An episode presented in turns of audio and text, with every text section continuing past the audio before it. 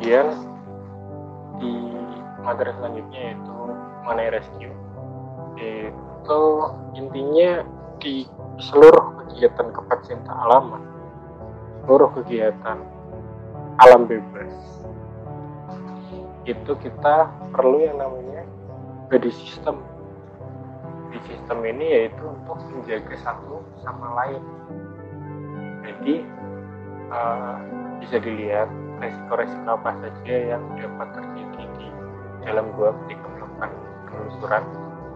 Seperti misal terpleset kemudian baret ornamen kemudian bisa juga keracunan CO2 seleo, kelelahan, pingsan kemudian bisa juga tergigit binatang beracun kemudian atau uh, radiasi gas khususnya radium jadi untuk ketika menemukan sebuah kita belum bisa mengidentifikasi apakah di dalamnya itu oksigennya minim atau ternyata kumpulan CO2 atau ternyata ada radiasi. Dan itu bisa diakali dengan membawa ayam hidup kemudian dimasukkan dalam bubur tersebut tunggu beberapa menit jika dilihat si kondisi ayamnya itu aman artinya cukup aman. Tidak ada radiasi tidak ada kemungkinan keracunan CO2 atau oksigen yang minim. Cuman untuk oksigen yang minim ini uh, agak sulit untuk dideteksi karena saya pernah masuk ke sebuah gua. Yang saya pikir itu tidak terlalu dalam dan untuk rongganya itu cukup luas. Tapi ternyata baru masuk 10 meter aja. Ada tekan yang tidak bisa lagi karena 10 meter aja itu ternyata udah tipis banget. Dan beberapa orang masuk saya masuk sampai dalam 25 meter dan itu emang bikin bener-bener pusing pusing pusing banget. Kemudian tadi untuk yang rescue umumnya jadi alat-alat apa saja sih yang perlu dibawa? Ya tadi kemungkinannya terpleset artinya luka gores ya kita bawa uh, tadi.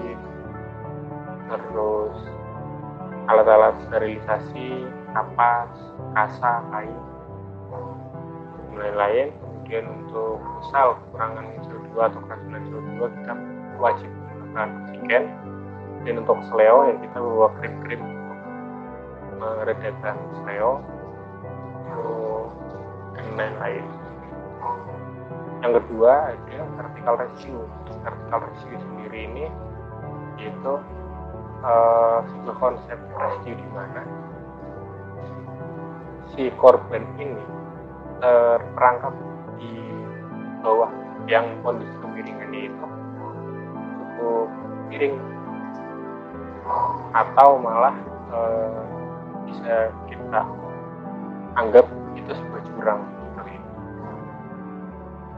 jadi di sini perlu kemampuan yang baik dalam fisik maupun psikologi karena bakal capek banget untuk melakukan si vertical rescue ini belum tentu sekali jadi juga malah. Di yang umum itu ada dua yang pertama itu howling yaitu kita pakai tandu. Si tandunya ini apa korbannya ini ditaruh di tandu tandunya kita angkat ke atas. Kemudian untuk yang kedua yaitu man to sendiri ini uh, dilakukan ketika si korban pingsan ketika melakukan single teknik atau SRT jadi bisa jadi kan ketika lagi turun gitu ternyata ketampar batu akhirnya pingsan atau pas lagi turun ternyata nyangkut nih tudungnya makanya perlu diperhatikan uh, apa yang kita bawa. Kemudian nyangkut lagi itu ketika melompati simpul. Itu bisa juga terjadi nyangkut. Dan udah kecapean ternyata si uh, korbannya ini. Jadi nggak bisa melakukan apa-apa. Akhirnya perlu ditolong oleh uh, rescuer menggunakan teknik man to man. Mungkin sekian dari saya mengenai Kevin. Wassalamualaikum warahmatullahi wabarakatuh